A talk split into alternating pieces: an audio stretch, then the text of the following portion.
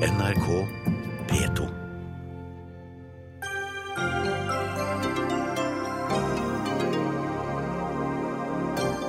Norge er bedt om å bidra militært mot IS. Børge Brende vurderer saken nå.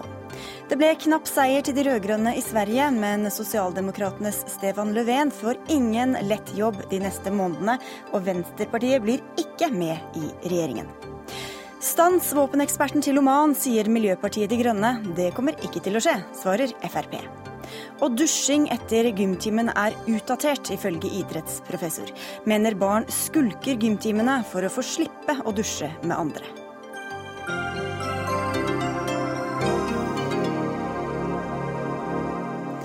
Vel møtt til Dagsnytt 18 i NRK P2 og NRK2, hvor vi også skal snakke om ord som beskriver kjærlighetens lyse og mørke sider. Jeg heter Sigrid Solund. I dag eh, i ettermiddag ble det altså klart at USA har bedt Norge og flere andre land om å bidra militært i kampen mot terrororganisasjonen IS i Irak. Det fortalte utenriksminister Børge Brende i dag. Og Brende, du er med på telefon fra Paris. Hva slags militær hjelp har USA bedt om?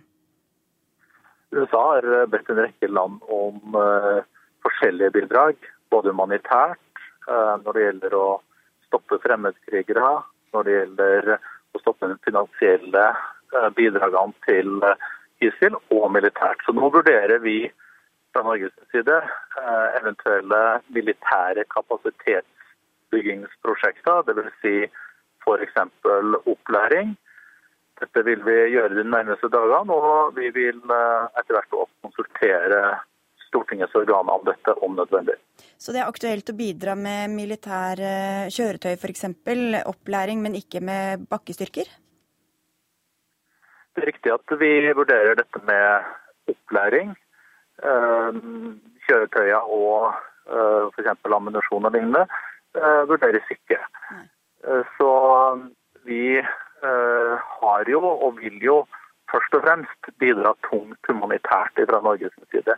Vi er jo en av de største giverne både i Syria og Irak, og vi vil ytterligere trappe opp. Men når vi får en sånn henvendelse fra vår nærmeste allierte, og her i dag eh, med eh, over 20 nasjoner til stede i Paris, eh, som legger vekt på at nå må vi stå sammen i solidaritet mot en ekstremistisk, ekstremistisk organisasjon som ISIL er, og støtte opp om den irakiske samlingsregjeringa, så vil Norge òg vurdere selvsagt militære kapasitetsbygging som f.eks. opplæring. Men hvorfor vil vi ikke avgi bakkestyrker, men lære opp dem som skal være det? Eh, mange ulike måter å bidra på. Vi har sagt at eh, vi eh, først og fremst skal bidra humanitært. Vi skal bidra til å bekjempe fremmedkrigere, stoppe finansielle bidragene til ISIL. Men vi vil òg vurdere dette med militære kapasitetsbyggingsprosjekter som opplæring. Det er der vi har Eh, vår eh, styrke. Det krever jo nå en gjennomgang eh, mellom de ulike forsvarsgrenene og en gjennomgang som forsvarsministeren nå foretar. Og så får vi foreta en totalvurdering av dette, om hva som er naturlig for Norge å gjøre på en grundig måte. Og her er vi jo avhengig av gode konsultasjoner med Stortinget. Og Da får dere komme tilbake til Dagsnytt 18, Børge Brende. Takk for at du var med kort i denne omgang også.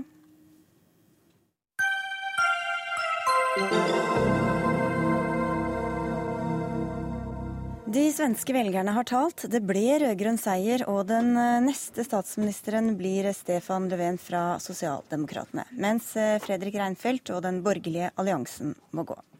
Men noen voldsom feiring ble det ikke for de rød-grønne. Det satte Sverigedemokraterna med sine 13% av stemmene en stopper for. Og rett før sendingen kom det altså inn en melding her om at Venstrepartiet ikke blir med i Löfvens regjering, eh, slik mange hadde trodd på forhånd. Eh, Raman Johansen, du er partisekretær i Arbeiderpartiet. Hva, hva synes du om den situasjonen som det nå ser ut til å bli i Sverige? Det er jo en krevende situasjon, men eh, først så vil jeg jo gratulere søsterpartiet for eh, et, en god gjennomført valgkamp. Og eh, det at Reinfeldt og Moderaterne gikk av i går etter et knusende nederlag, og Stefan Löfven sa at han ville ta på seg oppdraget og har startet nå sonderingene. Men det er jo et nytt politisk landskap i, i Sverige. Han, Sosialdemokratene fikk over, over 30 og i europeisk målestokk i dag så med ni partier som stilte til valg, så er eh, det et eh, bra resultat, selv om de nok hadde håpet et enda bedre resultat. Men hva tror du det får å si at eh, de nå ikke skal styre sammen med, med Venstrepartiet? Det er altså Miljøpartiet som, som kan ligge an til å bli den bare den eneste regjeringspartneren? Ja, nå er det jo sånn Fram til 29. så velges det jo ny talsmann i Riksdagen, og de har jo nå noen uker på seg til å, å sondere. og Stefan Leven var jo veldig eh, klar i går ved å strekke ut en hånd også over blokkgrensen. Så får vi jo se om det blir akseptert. Nå skal jo en hektisk og eh, polarisert valgkamp legge seg, og eh, det blir jo nå eh, tid for å se hva som er, er, mulig å få til. Men jeg er ganske trygg på Sosialdemokratiet er et trygt styringsparti med lang, lang erfaring. Så jeg er optimistisk på at de skal finne en løsning, selv om det er en krevende situasjon. Stefan Heggelund, du er, eh, var her på fredag også. Du er altså halvt svensk, stortingsrepresentant for Høyre, og du var på Moderaterna, altså deres søsterpartis eh, valgvake. Mm. Hva syns du om den situasjonen som Sverige befinner seg i nå? Kan jeg også først få lov til å benytte anledningen til å gratulere Sosialdemokraterne? Og så det er vanskelig for meg å stoppe deg nå, i hvert fall. Så, så, så jeg Raymond Hansen på TV i går, og han virka nesten mer glad enn Stefan Löfven, så jeg får nesten gratulere deg òg. Men eh, for alle som er glad i Sverige, og som du sier jeg er halvt svensk, så er det et land som betyr mye for meg, så eh, er jeg ganske trist i dag pga. Eh, hvor stort Sverigedemokraterna har blitt. Bare lyst til å si at for noen år tilbake så hadde Sverigedemokraterna en plakat, og det er vanskelig å se på TV kanskje, og umulig for radiolytterne å se. Så jeg skal lese hva det står. Varning til svenska flickor. Unnvik oskyddat samlag med negrer som bär dødelig aids. Allra helst, skända inte din ras, ditt Sverige, din familie og slekt. Det er Jimmy Åkessons arv. Dette er hans parti for noen år tilbake. Så, så det, det, er det viktigste ved valget, vil du si? Altså, jeg syns at eh, altså For det første så har du en ekstremt komplisert parlamentarisk situasjon. Du har et parti som har vokst seg stort, som har bakgrunn i hvit maktbevegelsen ingen reelle vinnere, egentlig, bortsett fra Sverigedemokraterna. Borgerlig side går tilbake. De rød-grønne øker sin oppslutning til sammen med 0,1 prosentpoeng. Så ja, jeg syns vel valget var en liten nedtur for alle sammen.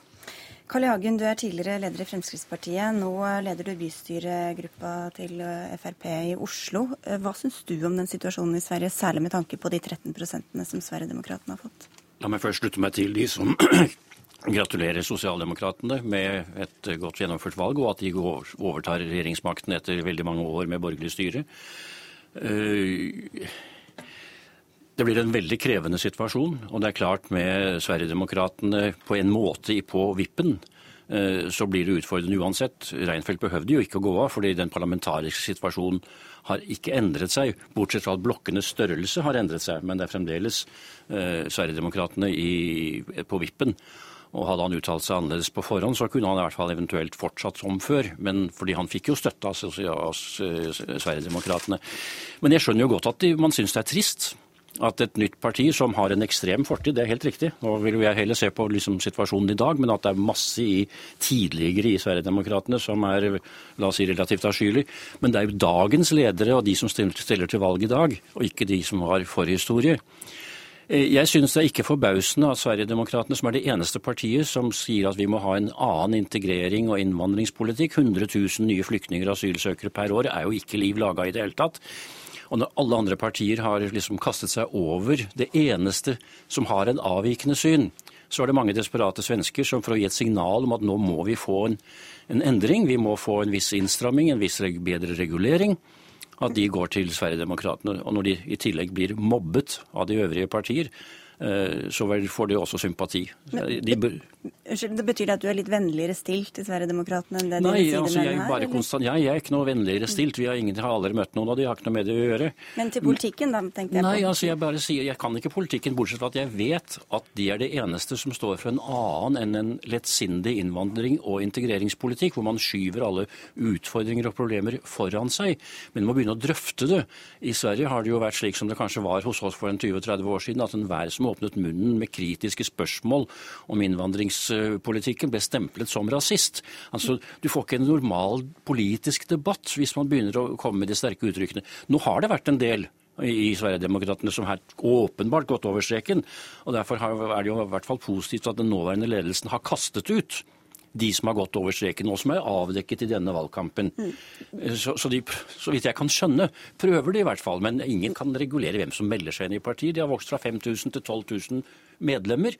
Kan ikke kontrollere dem, men de må i hvert fall ha den holdningen, og den samme viste jeg tidligere i Fremskrittspartiet.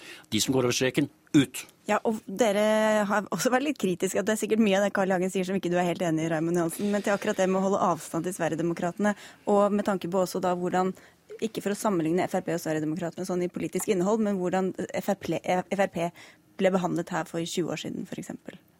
Jeg tror det er, eh, det er, veldig forskjellig. Også Frp, forløperen til Carl I. Hagen, han uh, røyka pipe og drakk eggelikør og snakka om kutt på Anders Lange, uh, Anders Lange ja. og kutt på skatt. Og vel hadde vel kanskje en forhistorie i fedrelandslaget.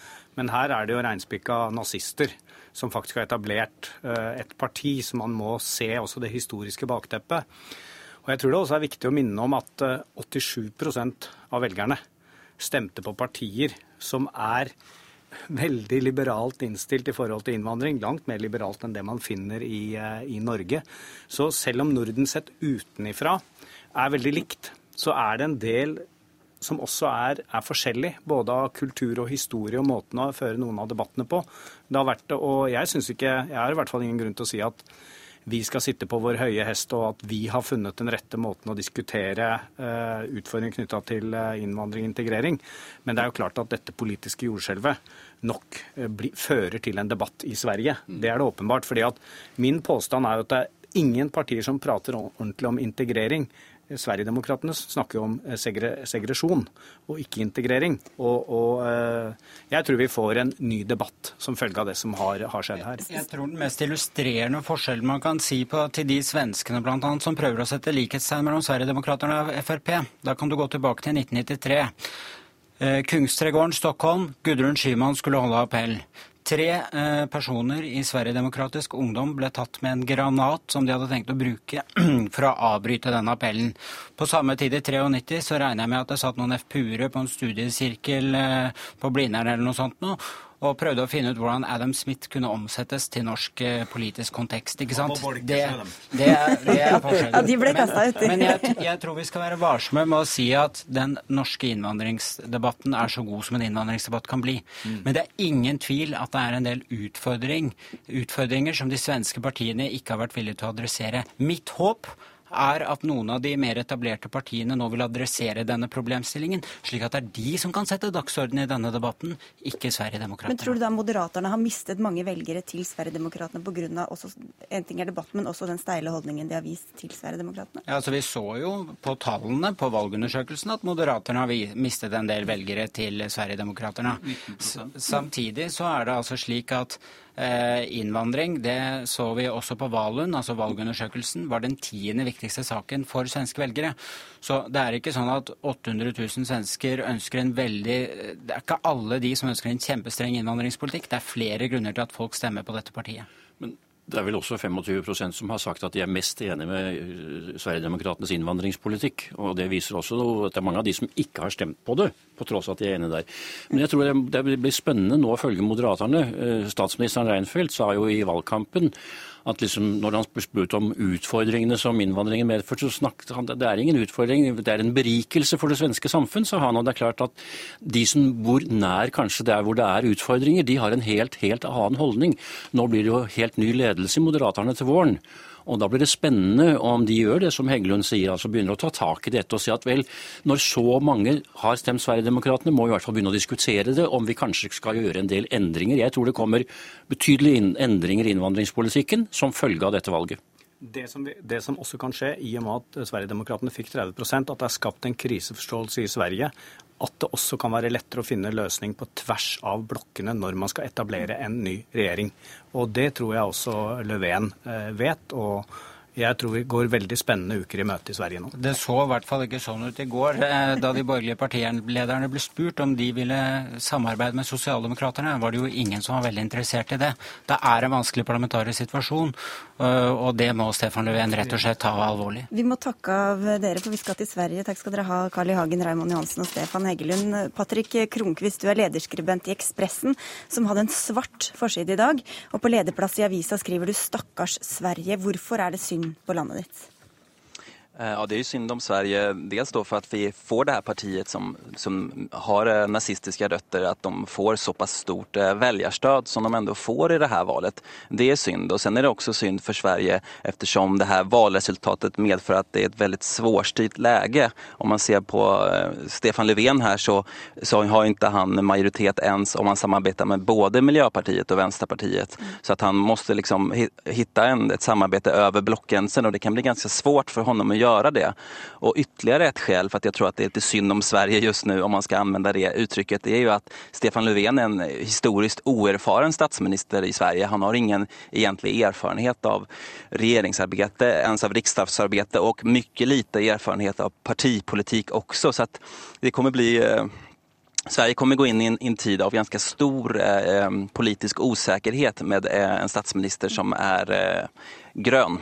Du sier at han knapt kan betegnes som en vinner. Altså er, det, er, så vidt han er en, en vinner. Hvorfor det?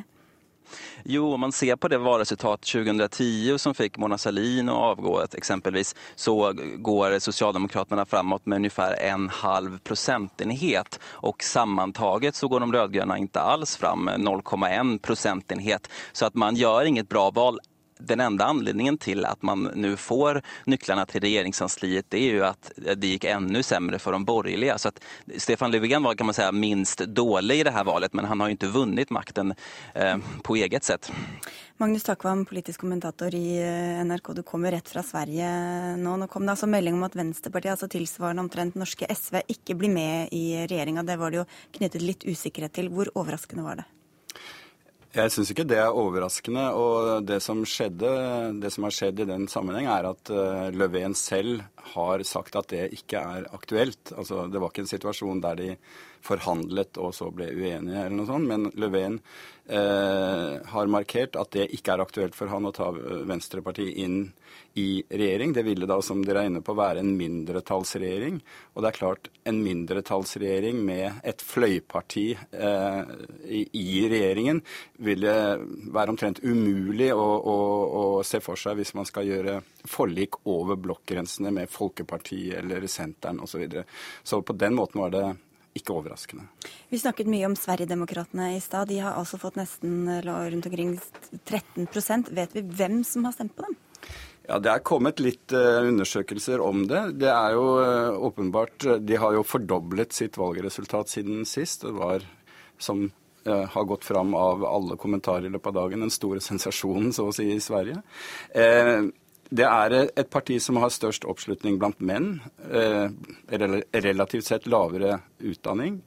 De har mange i LO, og mange LO-medlemmer stemmer på Sverigedemokraterna. Og det nye nå er også at de har fått ganske stor oppslutning f.eks. i Norrland, i Nord-Sverige. Tidligere har de vært sterke i Skåne og også i Vest-Sverige, men ikke i de store byene. Mm. Eh, og det er også, som, som, Heggelund var inne på her i, i stad, eh, eh, Moderatene som har gitt avgitt veldig mange velgere til Sverigedemokraterna i akkurat dette, dette valget. Mm. Kronkvist, hva, hva, sier Moderaterna selv om, eh, om valgtapet og, og, hvorfor det gikk sånn? Eh, du sier også at det var overilt av Reinfeldt å trekke seg som partileder. Ja, jag tror, nå nu när Reinfeldt valde att avgå på, på valnatten så sätter det bilden på något sätt av ett stort misslyckande. Men om man ser valresultatet som sådan så är det möjligen ett misslyckande för den samlade borgerligheten. Men det är inte ett misslyckande på samma sätt för Moderaterna. Det är faktiskt det fjärde bästa resultatet sedan, sedan enkammarriksdagen infördes i Sverige. Eh, och eh, jag tror också att det var överilat på ett sätt eftersom det ger Stefan Löfven en enklare resa nu i början. Eh, han är oerfaren som jag var inne på tidligere, men nå får han jo også møte en lame duck da, den første tiden i, i Fredrik Reinfeldt. Og vi kan også ane at det kan komme at komme to partilederbytter til. Jan Bjørklund kan komme og levne Folkpartiet, og Göran Hägglund kan komme og levne Kristdemokraterna. Og da kan vi få en situasjon der Annie Lööf, 31 år gammel, blir liksom neston, ålderskvinnan i svensk borgerlighet. Når det gjelder Moderatene, så er det interessant å, å, å, å se at årsaken til at de tapte såpass mye, ikke ligger i f.eks. at Reinfeldt er blitt upopulær. Snarere tvert imot. Han, han, er like populær som før, viser undersøkelsene. Og det er også slik at Moderatene fremdeles har størst tillit i økonomisk politikk. Likevel taper de, og da forklarer selvfølgelig ekspertene i Sverige det med effekten av åtte år i, i regjering. Man vil ha noe nytt. Vi må straks avslutte, men bare spørre deg, Magnus Takvam. I tillegg til Sverigedemokraterna så har jo Sverige også fått et ganske stort miljøparti. De hadde en feministisk initiativ som ikke kom inn i Riksdagen. Men eh, hvorfor har disse, hva skal vi si, det blir kanskje feil å si noe som er halvparten av jordas befolkning og klima, men såpass sære partier fått så stort gjennomslag? Det, er jo ofte en, en, historisk kontekst der de oppstår. Altså, det var kjernekraftdiskusjon i Sverige og folkeavstemning på 80-tallet som gjorde at Miljøpartiet kom til. Og så tror jeg i sum så er det også at sosialdemokratiet på en måte Eller de har åpenbart ikke greid å eh, modernisere seg og fange opp nettopp de som er opptatt av likestilling og miljø eh, på en god nok måte. Og Derfor så, så, oppstår det den typen eh, partier. Det er i hvert fall noe av forklaringen. Tusen takk. Ja, kom igjen, Kronkvist. Eh, eh, ja, eh, Når det gjelder Miljøpartiet, så tror jeg det er en, den store, et av de store bakslagene faktisk også i valget. Om man så på EU-parlamentsvalget i våres, så hadde man trodd at Miljøpartiet skulle gjøre et kjemperesultat. Nå bakker man faktisk, så det her er faktisk en veldig svak valgrørelse for Miljøpartiet. Det er en kjempestor overraskning her i Sverige. Takk skal du ha, Patrick Kronquist fra Ekspressen og til Magnus Takvam fra NRK. Dette blir det garantert mer om i dagene og ukene framover, også her i NRK. Dagsnytt 18 alle hverdager klokka 18. På NRK P2 og NRK2.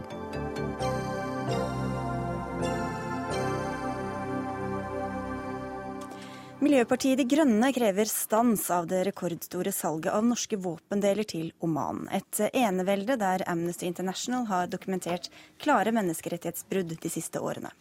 I dag selger Kongsberg Gruppen materiell til Oman for 3,7 milliarder kroner. Hilde Opoku, du er nasjonal talsperson i Miljøpartiet De Grønne. Hvorfor vil dere stanse dette salget? Både fordi vi mener at et eh, våpensalg til Oman er med på å opprettholde et eh, regime som undertrykker menneskerettighetene, men også fordi at vi mener at det salget her underbygger den konstitusjonen vi har hjemme i Norge om at det er Stortinget som bestemmer. For her har Stortinget flere ganger sagt at man ikke vil eksportere norske våpen eller deler til norsk våpenproduksjon til land som nettopp eh, Oman, som bryter menneskerettighetene.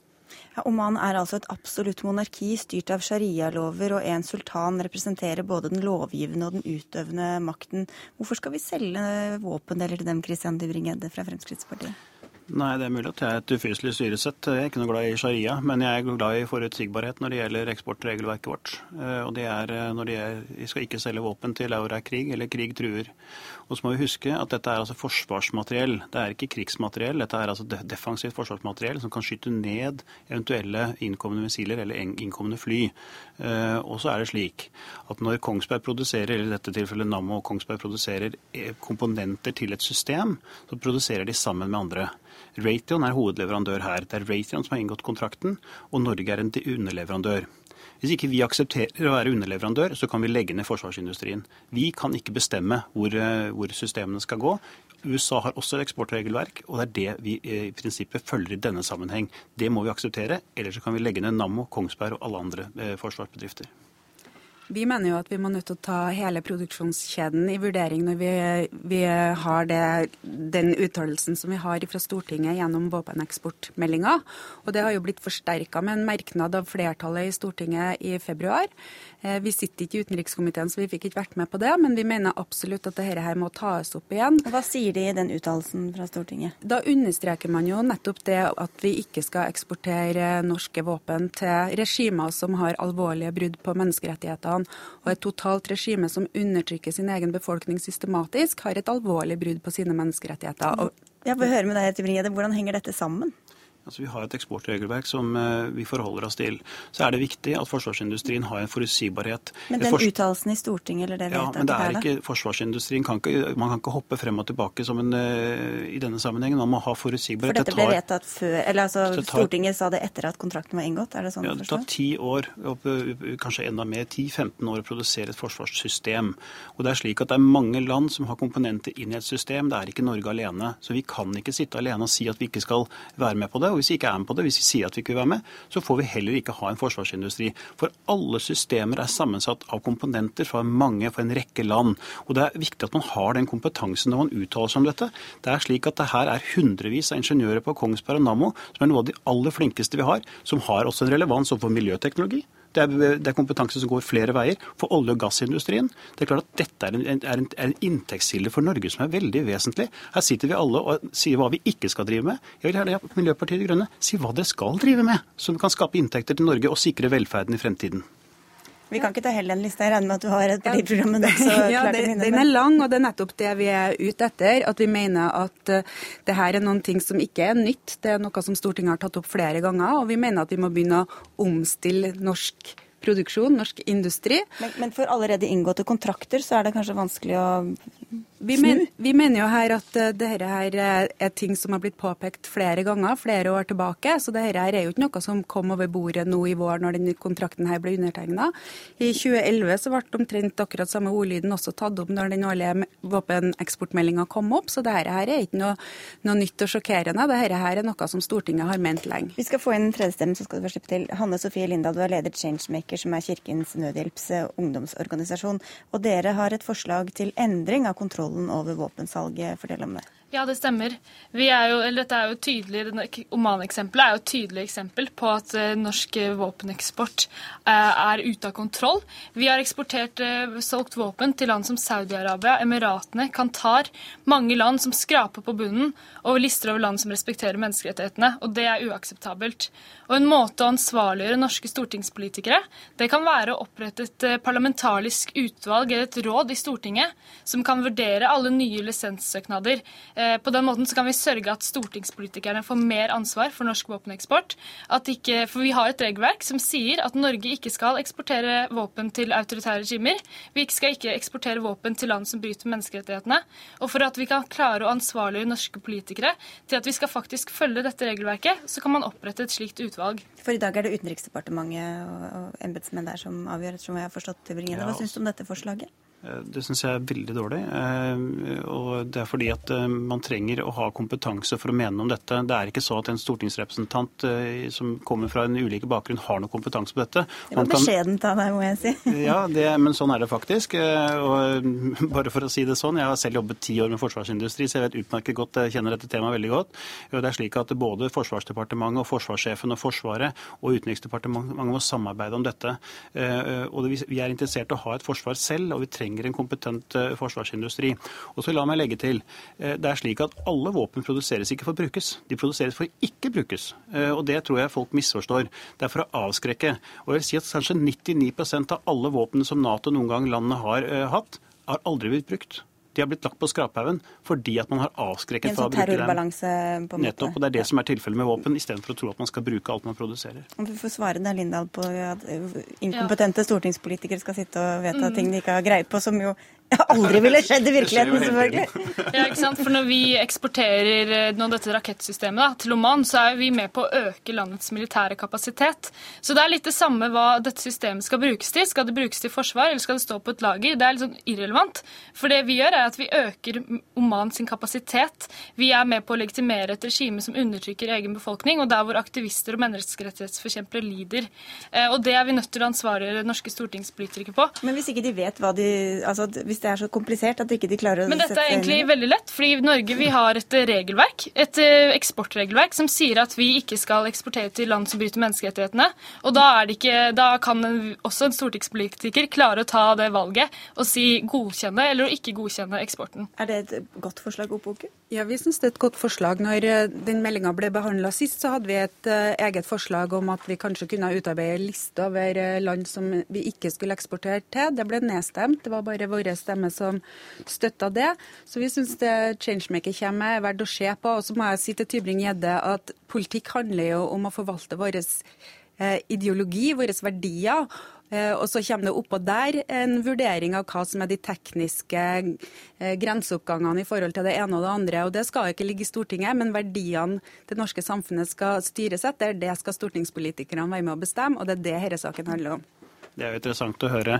Så er det Changemaker som lever av offentlige overføringer, har fått to millioner overført å, fra, nettopp fra Kongsberg og Nammo og den bedriftene. Det er derfor penga kommer. Det er derfor du har råd til å sitte her og debattere, fordi at vi har inntektskilder. Og hvis man skal legge ned alt som er produktivt og alt som kan skape arbeidsplasser, og Men tro at man skal leve på offentlig har vel, har vel også, Hvem er det som ikke vi skal eksportere til? Da? Det er bare de som er i krig? Krig eller krig truer. Det er klart eksportregelverk, og det støtter også Fremskrittspartiet, og det støtter også denne regjeringen. Og utover det burde det ikke være noen grenser til hva slags regimer man kan selge til? Menneskerettighetene bryter såkalt alle land. Et av menneskerettighetene er faktisk likestilling mellom menn og kvinner. Og hvis du skal gå gjennom alle land som ikke har det, ja vel, så er Norge også skyldig. Jeg tror vi er redd vi må avslutte der, men tusen takk for at dere kom til Dagsnytt 18, alle tre. heldige. Opoku fra Miljøpartiet De Grønne, Hanne Sofie Lindahl fra Changemaker og Christian Tubring-Gjedde fra Fremskrittspartiet.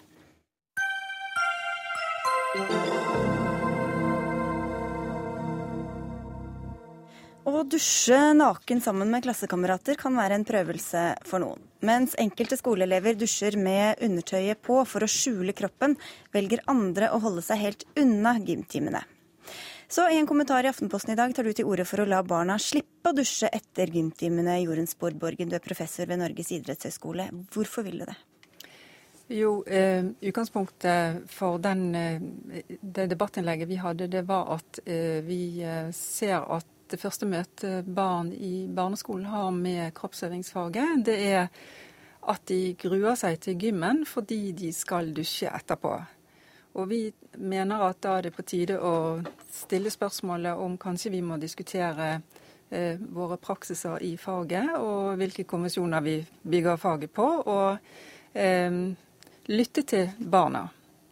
Eh, vi har veldig mange oppfatninger om, og mange bekymringer om barna når det gjelder dette med at de skal eh, få et fritt forhold til sin kropp, og de skal ikke ha noe kroppspress i skolen osv. De skal ikke oppleve det. Men til syvende og sist, gjennom alle disse årene som har gått eh, hvor barn må dusje i kroppsøvingsfaget, så skjer det jo ikke noen endring. Så vi peker på at kanskje man må diskutere dette på andre måter enn ved å være bekymret for barna. Kanskje vi heller skal være mer opptatt av våre egne praksiser og de voksnes eh, og fagets eh, tenking om dusjing.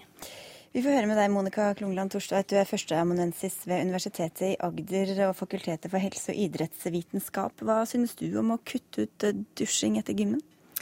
I utgangspunktet så blir jeg litt skeptisk til det. Jeg stiller jo spørsmål med hvorfor er det sånn at barn og unge ikke vil dusje i gymmen er det de barna som i utgangspunktet ikke har lyst til å ha gym i det hele tatt? At ikke det handler om dusjing? For da må vi kanskje gjøre noe med eh, kompetansen til kroppsøvingslærere, innholdet i kroppsøvingstimene, sånn at de får oppleve bevegelsesglede, mestringsfølelse. På den annen side er det fordi at de ikke har lyst til å vise fram kroppen sin så syns jeg også det er grunn til bekymring. For eh, det er mye fokus på kropp i dagens samfunn. Og jeg mener at vi da må bygge barn, et, eller lære barn å bli trygge i egen kropp. Se andre kroppsformer. Vi kommer i ulike former og varianter. Det er eple- og pæreformer og stangselleri-former. Og det er fint. Og det er naturlig. Og Hvordan skal barna lære et naturlig forhold både til egen og andres kropp, hvis ikke de er ganske små lærere at det er helt naturlig å dusje nakne sammen også? Eh, barna dusjer jo mye naken sammen med familie, sammen med andre barn i f.eks. svømmehaller. De eh, går ganske lettkledd på stranden om sommeren osv. Så, videre. så de er jo i mange sammenhenger hvor de faktisk opplever det å se kropper. Eh, det er en spesiell situasjon i kroppsøvingsfaget fordi de er mindre beskyttet f.eks. av sine nære voksne som barn enn de er når de er i disse naturlige, hverdagslige sammenhengene. Eh, Derfor så mener vi at det er et poeng å lytte til barna når de gir uttrykk for en naturlig bluferdighet som de har. Og kanskje vi skal diskutere hvordan vi håndterer eh, barns signaler om at dette syns ikke de er så veldig morsomt. Da. Men hva slags undersøkelser foreligger på at barna syns det er ubehagelig, og også kanskje skulker gymmen for å slippe den dusjinga? Det som er det interessante, det er jo at eh, selve dusjingen er jo i svært liten grad undersøkt. Eh, men det som er undersøkt i mye større grad, det er jo eh, elevenes ulike strategier for å slippe å delta i kroppsøvingsfaget eller å slippe å dusje. Men vi vet ikke om det ene det, altså om det skyldes det ene eller det andre? Nei, det vet vi ikke. Og det er jo en veldig interessant og viktig problemstilling her. Og det er jo derfor vi også ønsker å fokusere på det, denne problemstillingen med dusjing. Fordi vi tenker at så lenge vi som voksne som forvalter faget, og også eh, samfunnet for øvrig tar for gitt at denne dusjingen skal foregå, så vil vi heller ikke bli interessert i å undersøke hvordan barn opplever det gjennom forskning f.eks. Det er det som jeg blir ekstra bekymra for, egentlig, at hvis vi tenker oss 15-årige jenter som da skal slippe å dusje etter gymmen, hvor aktive, hvor mye innsats vil de da ha i kroppsøvingstimen? Jeg tror det er den lille tida For det er ikke lyst til å sitte og svette resten av dagen? Nettopp. Og du sitter og svetter, og du blir klam og du blir kald, og mange føler at de også det kan bli lettere syke av den grunn. Så jeg tenker eh, Jeg tror det er viktig at vi vedlikeholder de gode vanene som vi har etablert. Og at folk, eh, barn, unge, gutter, jenter kan virkelig være aktive i kroppsøvingstimen. For det trenger norske barn og unge. Vi må øke aktivitetsnivået, og vi må lære å svette. Tenker Dette er normalt, og dette er godt for kroppen. Og Hvor godt læringsmiljø er det liksom 30 svettende 15-åringer eh, fulle av hormoner i tre timer etter gymmen? Eh, nå er det jo barneskolen vi har fokusert på i vårt innlegg. Og eh, barn i barneskolen de er jo veldig fysisk aktive på alle andre, i alle andre situasjoner i løpet av dagen, så de svetter jo hele tiden. Eh, og sånn sett så er det jo ikke det, det, som er det store problemet. Men på ungdomsskolen så må de dusje, mener du? På ungdomsskolen så eh, er det jo mange interessante diskusjoner knyttet til dusjing. Mm. Eh, men det som er helt sikkert, er jo at veldig mange elever er dyktige eh, ut fra de inntrykkene vi har til å unngå dusjing. Og derfor så er det viktig å undersøke hvordan de faktisk opplever det. Så du har ikke konkludert om de må dusje eller ikke på ungdomsskolen? Eh, nei, det har vi jo ikke noen eh, bestemt mening om fra, i det debattinnlegget. Og Det er jo akkurat det jeg er litt bekymra for. For hvis vi da unngår å la de dusje når de er barn, og mens de vokser opp, og så kommer de i puberteten, og så plutselig er de ungdom, og så må de dusje, hvilket forhold har de da fått til egen kropp og andres kropper? Mm. Ja, nå er det jo sånn at eh, er, eh, hygiene er bare et læringsmål, et kompetansemål i første til fjerde klasse. Og etter det så er det ikke et kompetansemål i kroppsøvingsfaget i det hele tatt. Ikke nevnt i læreplanen i det hele tatt. Så et godt forslag er jo å flytte den diskusjonen opp noen trinn i, i skolen, sånn at elevene faktisk kan være med og delta og diskutere eh, forutsetningene for å ivareta hygiene og den slags spørsmål, og på den måten bli aktive deltakere i sin egen situasjon i eh, kroppsøvingsfaget. For nå så blir de bare bestemt at de skal dusje. Det er det mest eh, eh autoritære de faktisk opplever i hele kroppsøvingsfaget. Antagelig det er den dusjingen. Vi er nødt til å avslutte der. Vi skal ha inn kunnskapsministeren senere i sendinga. Hvis dere treffer ham på vei ut, så kan dere jo ta et ord med ham. Takk skal dere ha for at dere kom. Takk.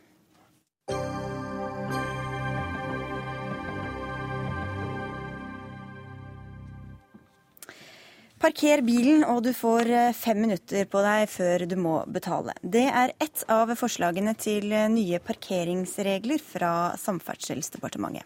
I tillegg kan du komme fem minutter for seint uten å få bot.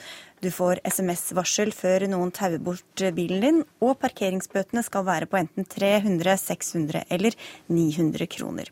Og til sammen møter ikke disse forslagene særlig begeistring hos dere i bransjeorganisasjonen Nordpark, der du er daglig leder, Lars Monsen. Hvorfor ikke? Nei, altså Det er vel en litt feilaktig beskrivelse. Altså Vi er jo i utgangspunktet veldig fornøyd og har venta veldig lenge på disse reglene. Bransjen har etterlyst det, og vi skal berømme regjeringen nå for, for å få lagt det ut. Ja, det er nok litt sånn.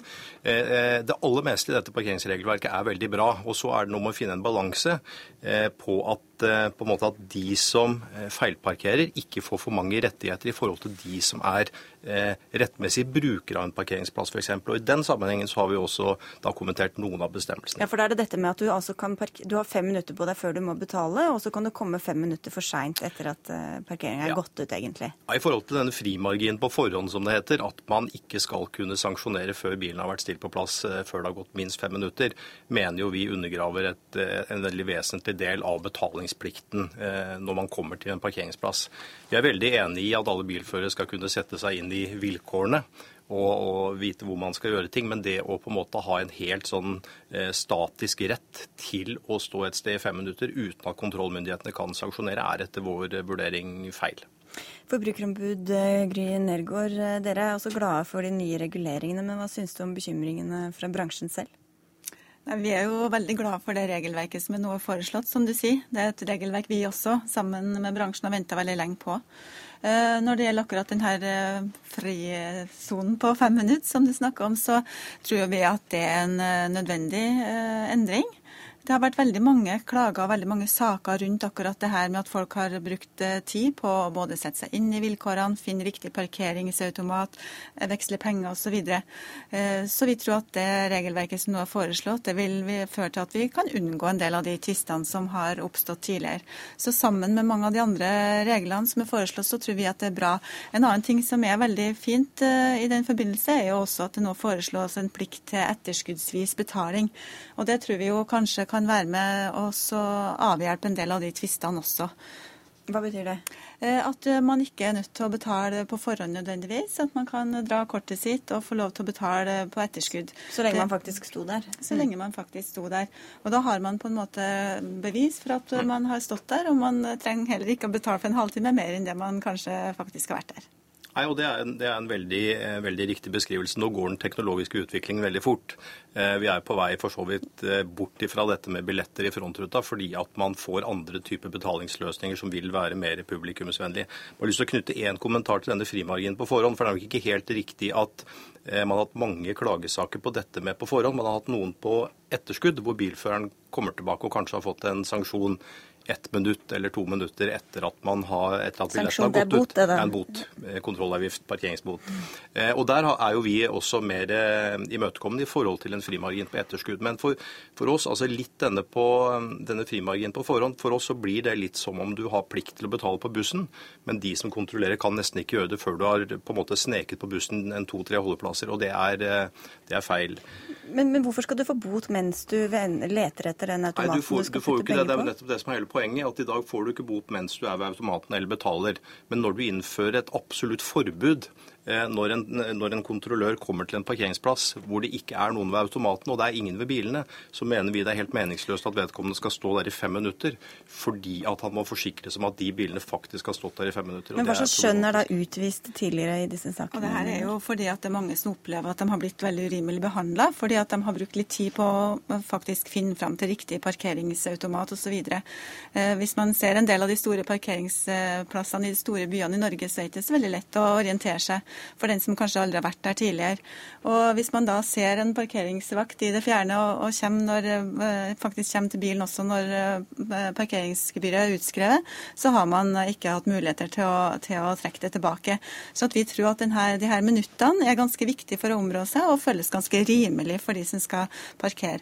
For, og Det er jo derfor man har gjort det her. Det har føltes ganske aggressivt og urimelig for de som har blitt ilagt en bot når de kunne ha vært bort fra bilen sin en liten periode, for å gjøre det her riktig. Vi tror at de fleste vil gjøre det her riktig og absolutt vil betale for seg. Hva slags økonomisk tap mener dere at dere kan få av dette? her? Da? Dette blir åpenbart et økonomisk tap. Jeg er helt sikker på det. Jeg er ikke enig i den faktumsbeskrivelsen at det har vært mange saker på dette med å på en måte få betalt, og at man har fått sanksjon mens man har vært og betalt. Det, det stemmer rett og slett ikke. Eh, litt av utfordringen i dag, eller det som er bra i dag, er jo at du har veldig mange betalingsløsninger hvor du ikke lenger går til automaten. I noen kommuner nå så er det 30% som betaler gjennom mobile løsninger, altså gjennom apper osv. Og, så og vi er jo helt sikre på, og vi ser det allerede i dag før reglene er innført, at man eh, på en måte logger seg inn og ut av disse betalingssystemene. Det er nok dessverre sånn at at litt av den tilliten Forbrukerombudet har til bilfører når det gjelder betaling for parkering, den er nok noe lavere enn på en del andre kall det ærlighetsområder i, i samfunnet. Altså. Og det, og igjen, disse tapte kostnadene vil jo selskapene måtte ta inn igjen gjennom generelle avgiftsøkninger. og Det er jo det vi er bekymra for. Man svinger pendelen for mye overfor de som vil misbruke det, som igjen vil gå utover de lovlydige bilistene. og Det mener vi er også i et forbrukerspørsmål feil. Ja, det som er veldig bra nå, da, er at vi får et eh, regelverk eh, som har ganske klare retningslinjer. Og det som er veldig bra, er nå at også alle skal få behandla klagen sin hos et tvistenemnd, uh, uansett hvilket parkeringsselskap det er som har vært der. Og en annen ting som jeg tror parkerende vil være veldig glad for, er at nå skal det ikke være provisjonslønn til de parkeringsvaktene som går rundt. For, uh, for, det har også vært et stort problem. Så alt i alt så er vi veldig godt fornøyd, vi på vegne av forbrukerne med dette regelverket. Det er vi også. Og parkeringsvakter er vel omtrent de eneste som har sånn omtrent samme rykte som journalister. Så det er kanskje å, øke tilliten litt sånn i bransjen. Så, så, får jo andre avgjøre om det er fortjent eller et ufortjent rykte. Ja. Takk skal dere ha i hvert fall for at dere kom til Dagsnytt 18, eh, Lars Monsen fra Nordpark og Gry Nergård, forbrukerombud. Hør Dagsnytt 18 når du vil. Radio NRK.no. Mange er de som har forsøkt å beskrive kjærligheten og alt som følger med den av gode og vonde følelser. Men nå kommer også en bok som beskriver og forklarer historien, slektskap og betydningen av ordene som vi bruker om kjærlighet, og det som hører den til. Forfatteren av den noe overraskende suksessen Norsk etymologisk ordbok følger opp med Kjærlighetens etymologi, en ordbok med ord knyttet til kjærlighet. Og du er forfatteren Jan de Caprona. Gratulerer med ny bok. Tusen takk. Fra Adonis til eh, øyekontakt, hvorfor trenger vi en egen ordbok om kjærlighet? Fordi øh, når jeg skrev den forrige mursteinen, så merket jeg at ord for følelser uh, veld, omfattet veldig mye. Og, og spre, ble spredt over veldig mange temaer. Alt fra psyk psykologi til filosofi, religion, og liv og slekt og anatomi osv. Uh, dermed så, og kjærlighet er det mest sentrale i våre liv. Dermed så vil jeg samle det som er knyttet til kjærlighet, i, under ett tema. Og når jeg gjorde det, så følte jeg også at uh, her trenger jeg ha noen flere sitater og gjerne også kulturelle fakta om kjærlighet. Men kjærlighet og det, deres tilleggende herligheter kan vel sies å være nærmest grenseløst. Hvordan har du bestemt hva som skal eh, høre, inn, høre hjemme i en sånn bok? Uh, selve ordet kjærlighet dekker veldig mange typer uh, kjærlighet. Vi, har, vi, tenker først og fremst på kjærlighet mellom et par. Uh, og da er det ulike utviklinger når de forelsker seg, erotikken, og senere når, de knytter bånd og bestemmes for å leve sammen. Uh, men man har også kjærlighet innen slekt, en familie. Uh, kjærlighet mellom venner. kjærlighet innen religion. eller kjærlighet til fosterlandet, til et kall, et arbeid, eller til et fotballag. Vålerenga eller Brann. Så allerede da hadde jeg et stort problem. Ehm, men jeg bestemte meg for å legge fokus på kjærlighet innen et par, men også litt om religion og venner. Uh, og uh, også ikke utvide altfor mye. F.eks. hva gjelder atomi, så tok jeg ord som man forventer å finne i dikter, som hånd, og lepper, og øyne, ansiktet men uh, ikke uh, kroppsdeler fra underlivet. Det er nokså pent. Det er, det er, ingen stygge ord i nei, denne nei, boka. Absolutt ikke. Nei. Mens andre ord, f.eks. vold, har du med i boka? Dessverre. Det, når man snakker om sola, så må man snakke om skyggen også. og kjærlighets mørke sider, det er vold, det er skam, det er sjalusi, det er hat. Så noen av disse ordene må jeg også ta med. Hva om noe har endret seg i ditt syn eller oppfattelse av kjærlighet gjennom arbeidet med denne boka? Eh, for det første så er jeg blitt uh, mye mer klar over at kjærlighet er så mangsidig, og at uh, vi har alle vår egen oppfattelse av kjærlighet. Uh, og det bør man kanskje avklare når man forelsker seg med noen. uh, og i tillegg uh, at sånn som professor Ole Martin Høistad skriver i innledningen til boka, så er kjærlighetsbegrepet og følelser noe vi tar for gitt, egentlig et resultat av en lang utvikling med impulser som kom fra mange andre kulturer. Og særlig øh, vi tenker på dagens romantikk. Den går tilbake til ridderromanens kjærlighetsideal. Eh, som eh, går veldig mye sin tur tilbake til den eh, triste historien om Tristan og Isolde og det lidenskapelig umulige kjærlighet. Du snakker jo selv mange, mange, språk. Hvordan vil du si nordmenn snakker om kjærlighet i forhold til andre land? Jeg vil si at nordmenn er kanskje litt Eh, litt mindre verbale enn andre. Eh, andre land så vil man gjerne overrose med ord. Eh, jeg kan nevne en liten historie, hvis jeg får lov. Jeg hadde en venninne som var ute på, i Narvik og på et utested og hadde lyst til å treffe en gutt. Og så kom det en kjekk nordmann, og de, hun var fra Italia. Og de snakket fire timer med hverandre, så hverandre i øynene. Og etter fire timer så sa gutten la oss gå ut i parken og se på midnattssola. Og hun var vant til italienere, så hun svarte nei med et stort innbydende leende. Og gutten sa ja, det var søndag, så gikk han. Vi er ikke så gode til å lese mellom linjene. Nei. Nei.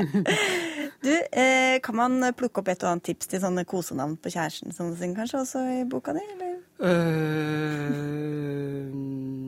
nei, det tror jeg man må overlate til enhvers fantasi. Tusen takk skal du ha for at du kom til Dagsnytt 18, Jan de Caprone.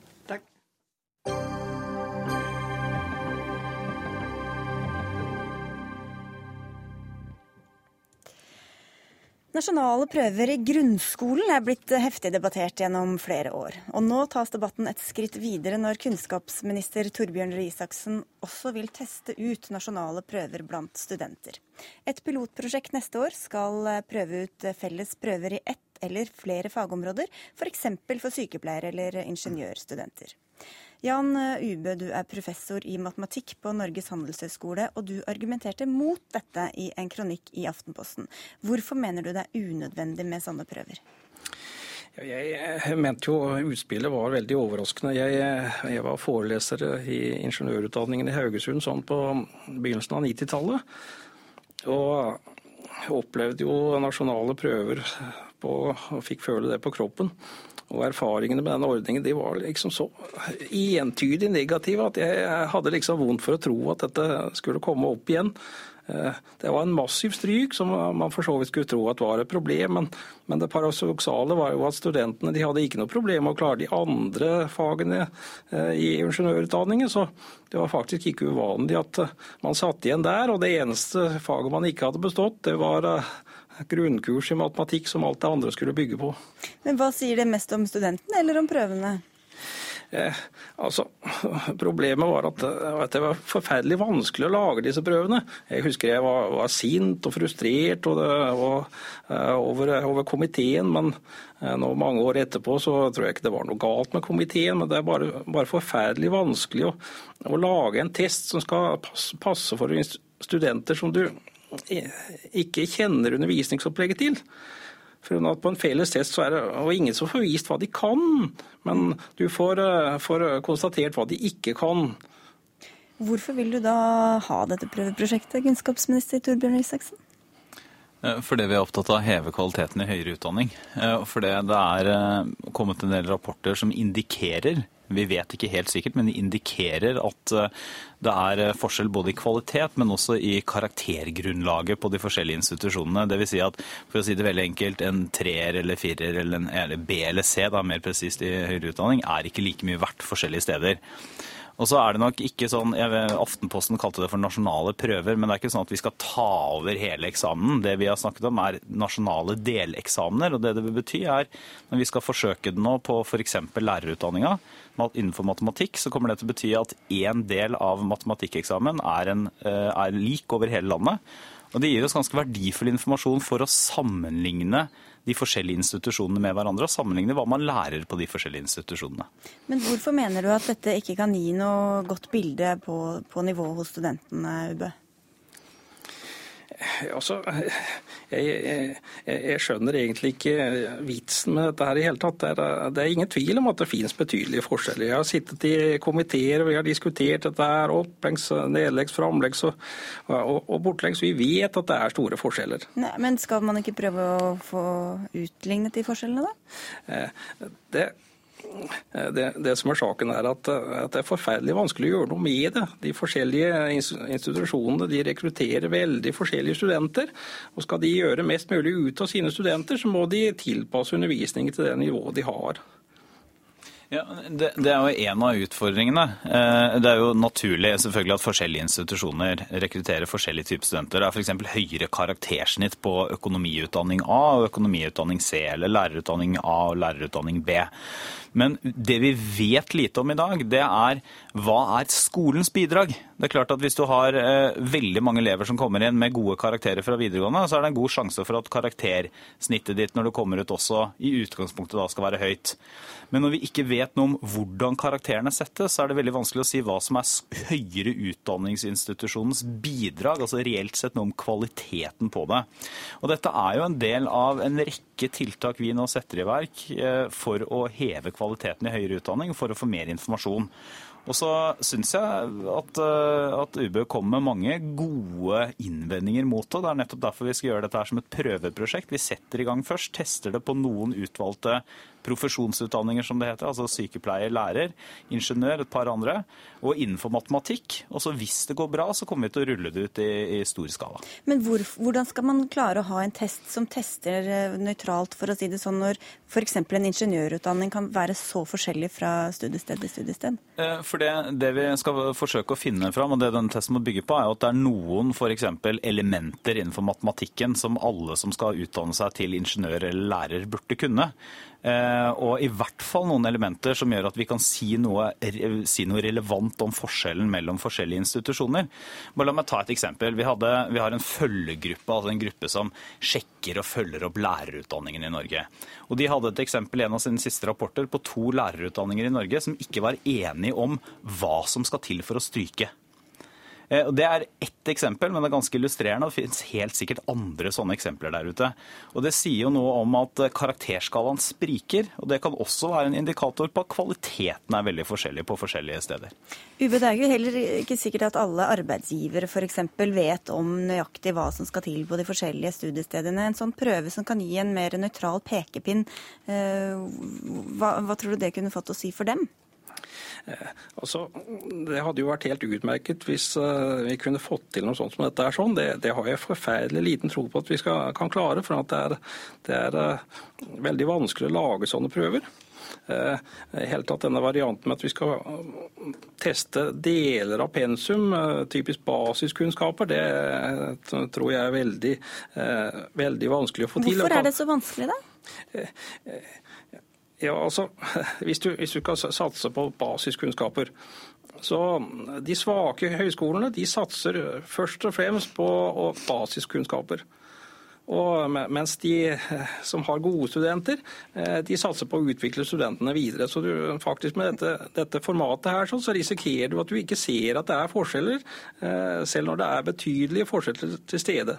Så det kan gi et helt forvridd eh, resultat? Kan, kan gjøre hvis man ikke er forsiktig, og det er forferdelig vanskelig å være forsiktig her. Ja, eh, men, men jeg tror jo dette vil jo ikke være en sånt nasjonalt element i, i eksamener på f.eks. lærerutdanningene. Det vil jo ikke gjøre at man får et fullstendig inntrykk av alt som foregår på den lærerutdanninga. Hva skal dere bruke dem til da? Nei, Det har jeg jo forklart. da, altså Bl.a. å se på om karaktersettingen spriker. Dette blir én av de elementene vi kommer til å bruke for å si noe om kvaliteten på forskjellige forskjellige utdannelser i Norge.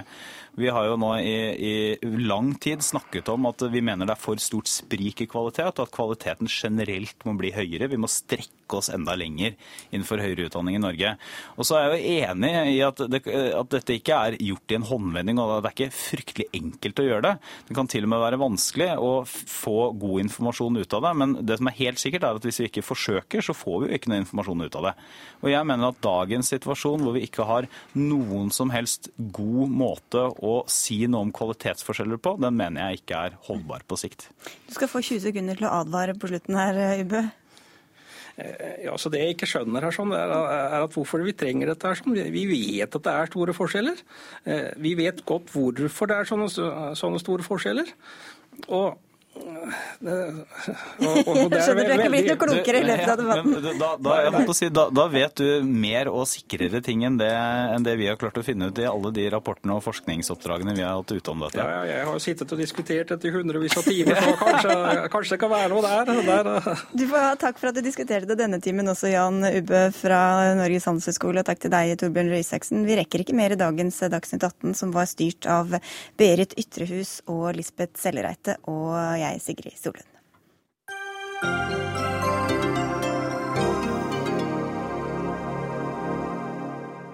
Hør flere podkaster på nrk.no podkast.